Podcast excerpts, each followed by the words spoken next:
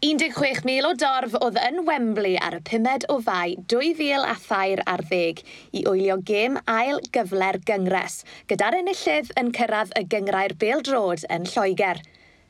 Pan sgoriodd Aaron O'Connor yn y munudau ychwanegol i selio buddugoliaeth i gas newydd dros Wrexham, adlywyrchodd newid yn y cydbwysedd pŵer rhwng y clybiau oedd yn chwarae yn Lloegr.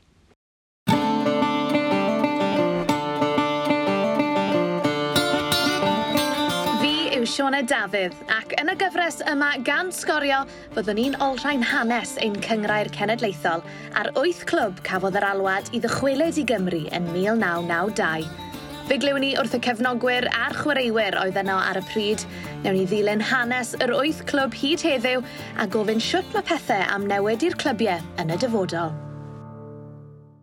Nath Wrexham ddim cael yr alwad i ddychwelyd i Gymru nôl yn 1991, ond ar ôl colli yn y gêm ail gyfle yn 2000 a thair ar ddeg, roedd un o'r Irate 8 yn chwarae yn y gyngrair uwch ei penne. Dyma o ddatgofion Dave Roberts, cefnogwr cas newydd o'r gêm yna. Cero Wrexham yn, yn Wembley, dwy gol i ddim. Roedd y game arbennig iawn i ni. Mae'n yna clisiau ond roedd grown adults crying their eyes out. um, I mynd nôl o'r uh, Hellenic League yn 1990, nôl i'r EFL. Ac um, roedd un quote o, o David Hando o'r diwedd y game, just mission accomplished. And probably i ni little bit more special chwarae yn erbyn tîm Cymraeg arall hefyd. Like, doi, doi tîm Cymraeg yn y final yn Wembley, hollol gwych. A dwi'n siŵr bod Rex, cefnog y Wrexham wedi anghofio y, y dydd. Ond i ni, roedd just diwydd perffaith i'r stori. The dream was possible. And mae'n ma pwysig iawn bod pob clwb gallu breuddwyd am y dyfodol. A chas nawydd ydy'r living proof, um, y proof i, i Merthyr bod mae'n posib.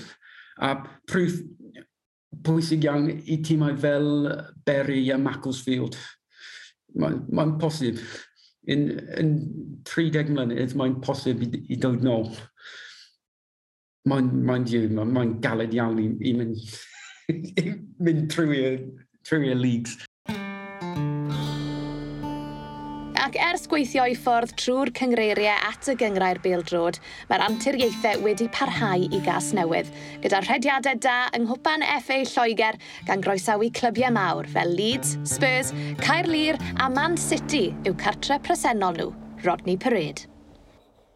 Ie, yeah, mae'n ma just hollol nyrs i ystyried o'n i'n chwarae yn erbyn Morton y Marsh uh, Pegasus Juniors ac nawr Ciro Caelia wedi Ciro Leeds wedi, wedi cael gen gyfartol yn erbyn Spurs and should have beaten them.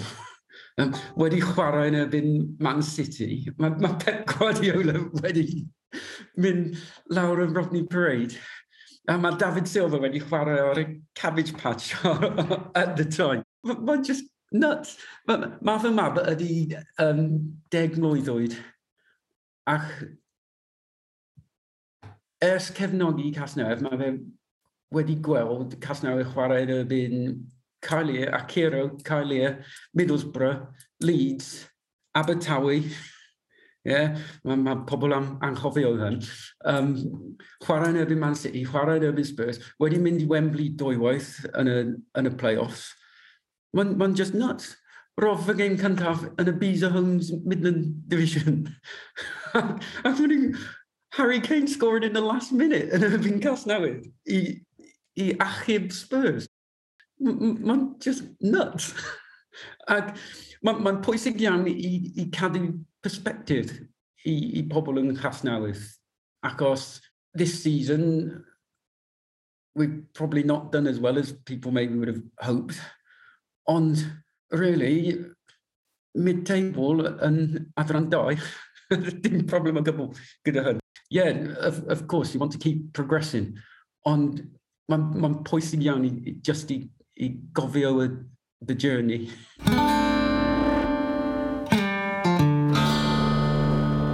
Roedd y siwrne yn un i'w chofio i gas newydd dros y ddegawd ddiwetha, ond mi oedd hi'n un cyffroes i'r uwch gyngrair yng Nghymru hefyd, gyda dechrau cyfnod y deuddeg disglair. Nôl pan ddechreuodd y gyngrair ym 1992, roedd 20 clwb yn rhan o'r uwch gyngrair. Ers ail strwythuro yn 2010, 12 clwb sydd yn rhan o'r uwch gyngrair, gyda'r tabl yn hollti'n ddwy ar ôl i bob clwb chwarae ei gilydd ddwywedd, Mae'n fformat sy'n amhyblogaeth gyda rai cefnogwyr, ond mwy am hynna yn rhifin ola'r gyfres.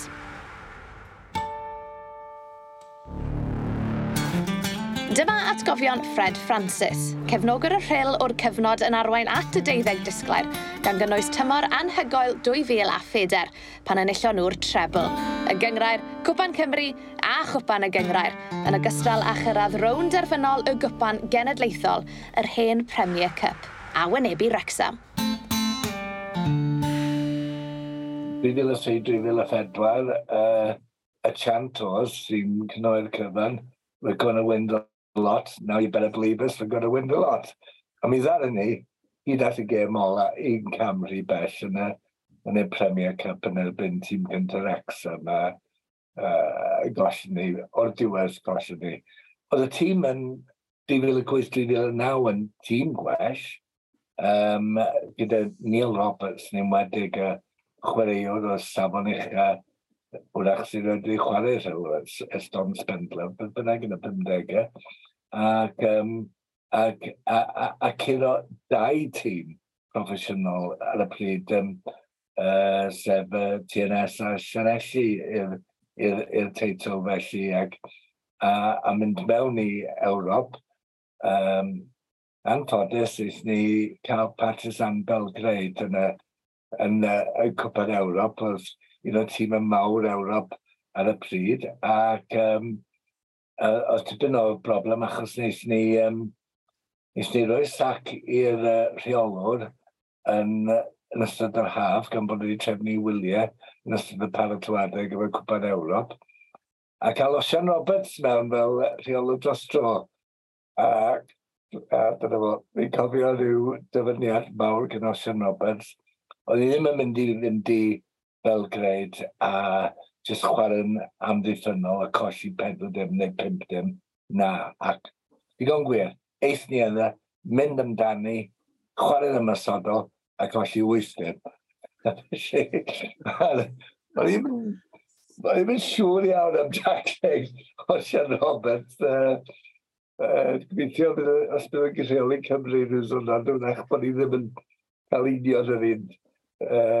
Ond dos ni wedi sgwr i'n dwi SDD yn gwaith, ond dyna fo. Dyna oedd y tîm o, o safon arbennig o dda. Wedi that's y broblem ariannol to. Y brif broblem a nath y codi nôl yn 91-92 felly oedd y prif broblem, sef um, pan as y, y clwb yn festalwyr yn 1991, fe ni golli'r stadiwm. Ac fe brynwyd y stadiwm uh, gan perchynog cwmni taxis oedd wedi symud i'r ardal. Yn ôl uh, y chwedl werin, oedd yn prynu'r lle oherwydd y maes parcio tu allan a swyddeidd ar gyfer y cwmni taxi heb sylweddoli hyd yn oed bod o wedi prynu tai peldroed y stadiwm tu ôl, ond uh, dim diddordeb mewn peldroed a chodi cloc brys. A dyna yw'r broblem wedi bod.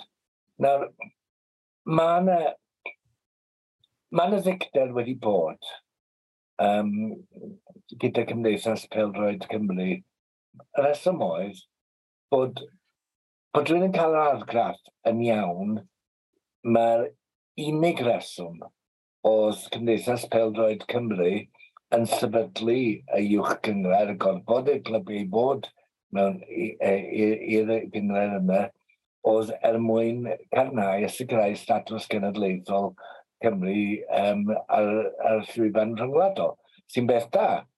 Ond bod nhw ddim wedi buddsoddi yn y uwch gyngred, yn y gêm domestig, bod nhw ddim wedi buddsoddi o gwbl.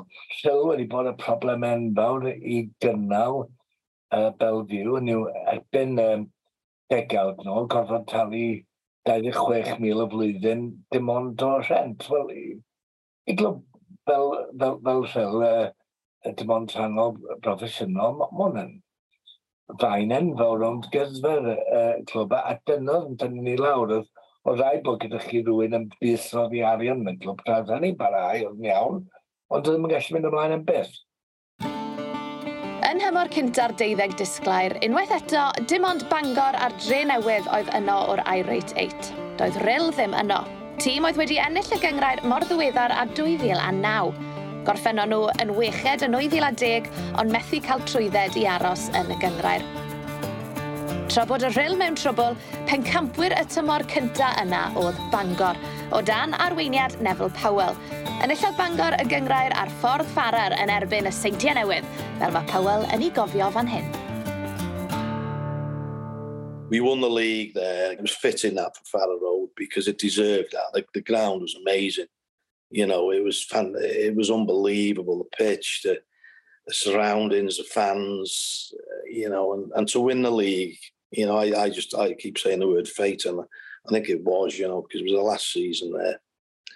Uh, and to win, to see so many people, there must have been five, six thousand people. They were coming over the walls everywhere, and you know they they, they only needed a draw. Uh, TNS did, um, for us to win it with 10, 15 minutes to go uh, for all them people.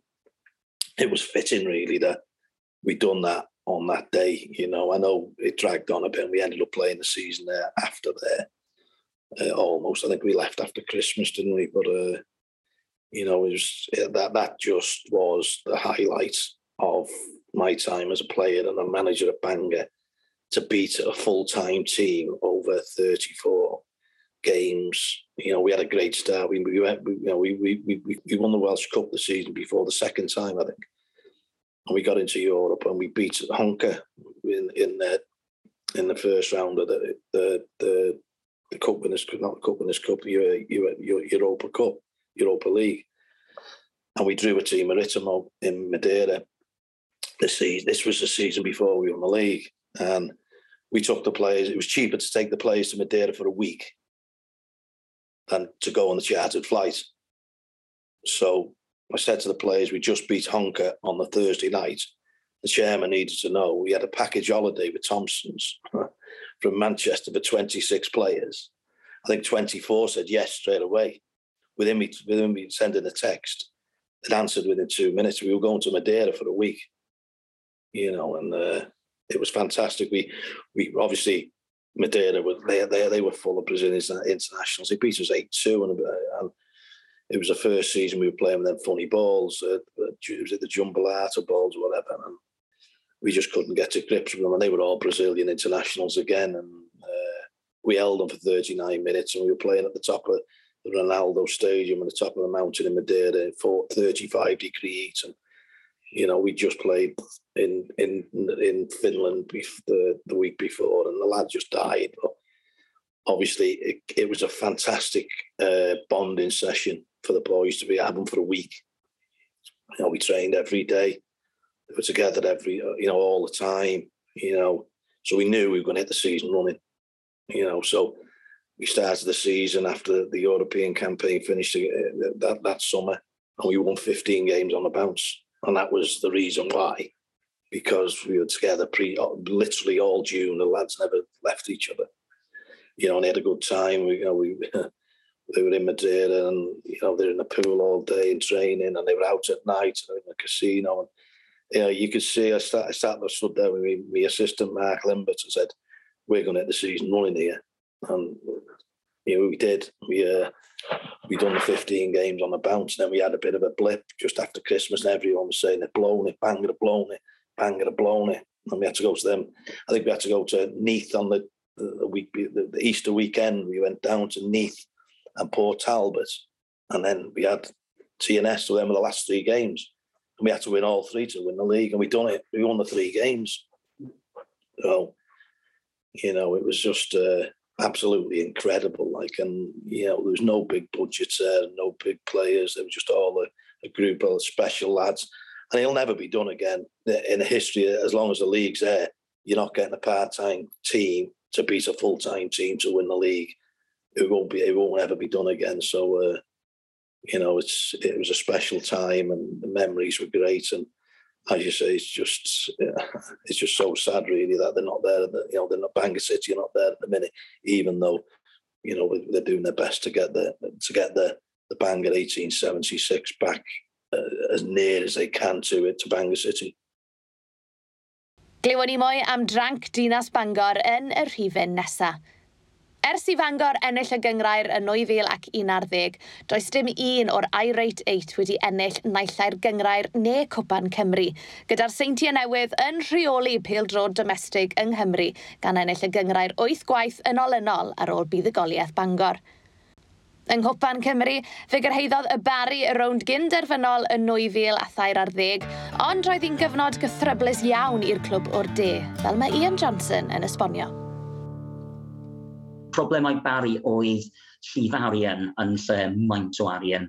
So cyfnod uh, haf 2000 a thair, uh, y problem oedd roedd bari yn disgwyl llawer o arian fel uh, arian wobroio a gyfer y, y, y Premier Cup, a gyfer Ewrop, ond doedd dim llawer o arian yn dod trwy, trwy'r clwb uh, yn ystod yr uh, uh, uh, haf yna. Dwi'n meddwl mae yna, mae yna aelod o eiliad o sliding doors yn haf 2000 a, a ddair, achos um, oedd y bawr i tu ôl um, Bangor a, a TNS am, am gyfnod yn ystod y tymor yna, ac oedd yna gêm yn erbyn Lido Afon ar ddechrau mis Ebrill 2003 yn ei Gary Lloyd sgorio'n syth o Cic Cornel aeth y bawr i ymlaen um, gyda Adebayo ac Enfenwa um, yn chwarae dros ni wrth gwrs.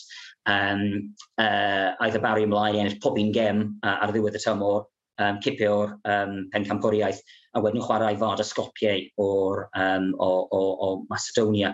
Uh, naeth, daeth TNS yn ail, uh, naeth nhw chwarae Man City. So ar ran llifari yn y bari, dwi'n gallu dychmygu os oedd hyn uh, y ffordd ar y rhawnd, um, bari yn chwarae nebyn Man City, efallai you know, ddim reswm i, i bari Barry mynd i ddwylo'r o'r uh, wynebu problemau ariannol ag yn y blaen.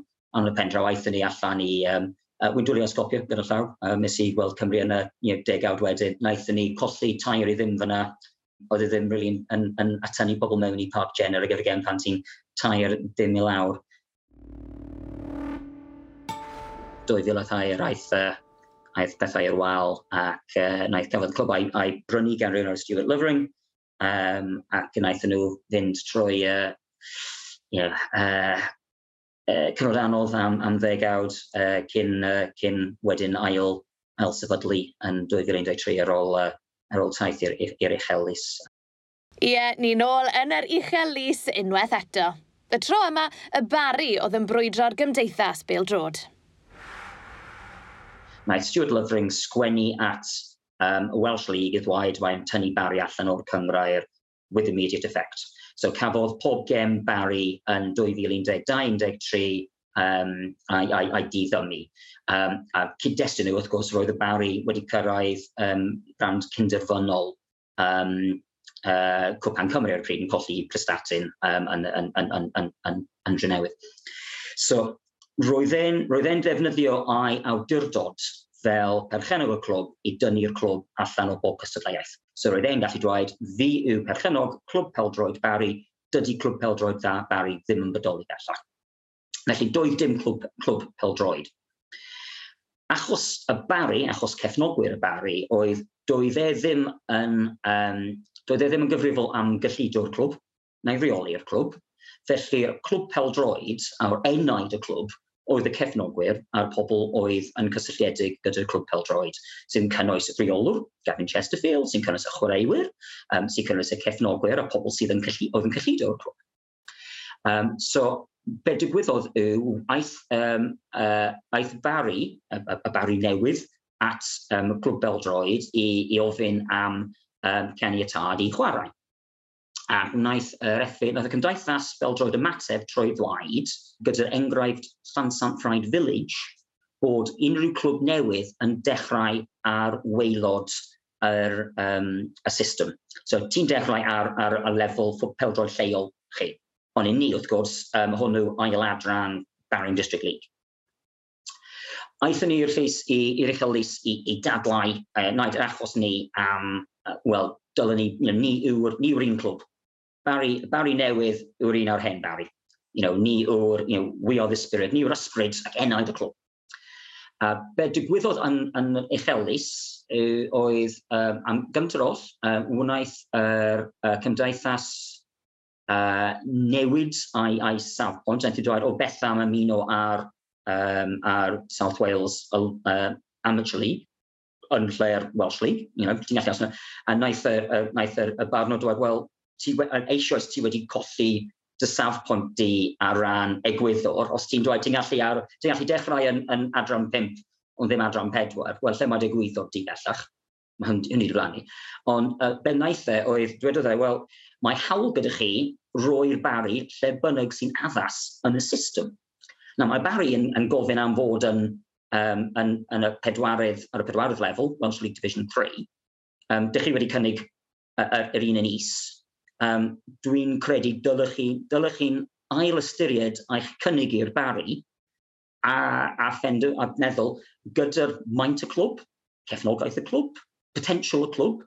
You know, os ydych chi'n cefnogi peldroed yng Nghymru, pam yn y byd fyddwch chi'n rhoi clwb sy'n derbyn 300 o bobl gyda, um, gyda ground tair, tair mil o capacity, pam yn y byd fyddwch chi'n rhoi nhw yn peldroed lleol yn lle rhyw lefel addas? So be wnaeth y barnwr ffindio oedd, oedd ddim yn erbyn, uh, ddim gyda'r gyda Barry, fod onest, ond uh, uh, so, uh, his, the direction was, go back and rethink this. Pam oedd ti'n mynd i roi Barry ar lefel lle maen nhw'n chwarae yn erbyn clybiau gyda 30 o bobl, pan maen y 300 ohonyn nhw o, o gwmpas y, you know, o gwmpas y, y ground.